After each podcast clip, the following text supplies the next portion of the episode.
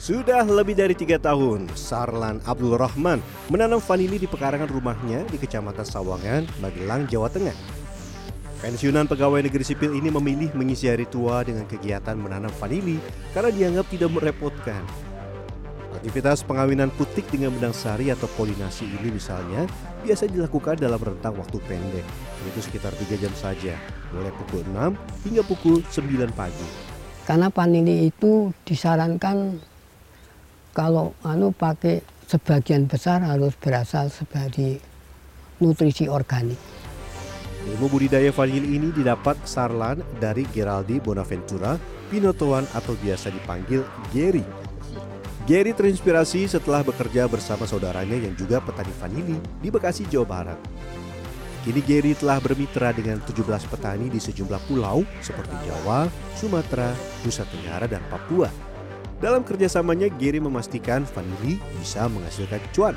Ini bisa kita estimasikan untuk omset atau pendapatan dari lahan seperti ini aja bisa tembus mungkin sekitar 2-3 M.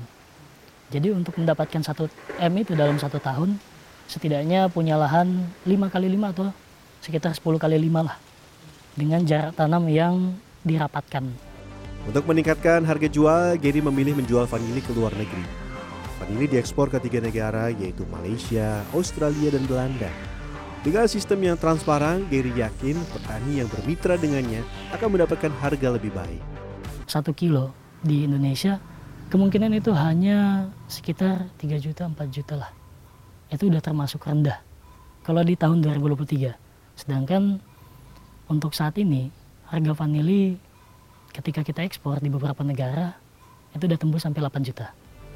Vanili sering disebut juga emas hijau karena menghasilkan cuan fantastis dengan perawatan mudah serta bisa menggunakan lahan yang sempit. Emas hijau lainnya adalah rumput laut. Nah, di Kepulauan Seribu kurang lebih 150 ton rumput laut dihasilkan selama setahun oleh para pembudidaya. Ada beragam jenis metode penanaman rumput laut yang bisa dilakukan. Namun di Kepulauan Seribu, metode tanam yang dipakai adalah metode dasar atau bottom method. Kalau sepanjang hamparan ini nih ibaratnya sawahnya kalau lagi di darat ya. Iya. Karena saya baru sadar ketika di atas mata dia nggak gitu kelihatan tapi ketika kita turun itu di bagian bawahnya tuh udah ada kayak garis lurus panjang membentang itu si bibit rumput lautnya. Oke. Eh bang, tahu bang. Setelah ditanam selama minimal 45 hari, rumput laut dapat dipanen. Dalam sekali panen, nelayan bisa mendapatkan 50 sampai 100 kg rumput laut. Bila cuaca tengah terik, proses penjemuran hanya memakan waktu tiga hari. Namun bila sedang musim penghujan, rumput laut biasanya baru akan mengering setelah satu hingga dua pekan. Kita dari sini kita olah ke jualnya ke pengepul, ada pengepulnya, dari pengepul paling dibawa ke PT. Oh dibawa ke perusahaan. Kebanyakan sih katanya sih buat alat-alat kosmetik, rumput laut. Oh, beda buat yang konsumsi beda ya? Beda. Terdapat dua jenis rumput laut yang dihasilkan dari tempat ini. Pertama yang dijual dalam bentuk rumput laut kering asin dan yang kedua adalah rumput laut kering tawar yang biasa diolah menjadi aneka makanan. Meski harga rumput laut sering kali tidak stabil, salah satu cara untuk menaikkan harga rumput laut di pasaran adalah dengan mengolahnya menjadi beragam kudapan.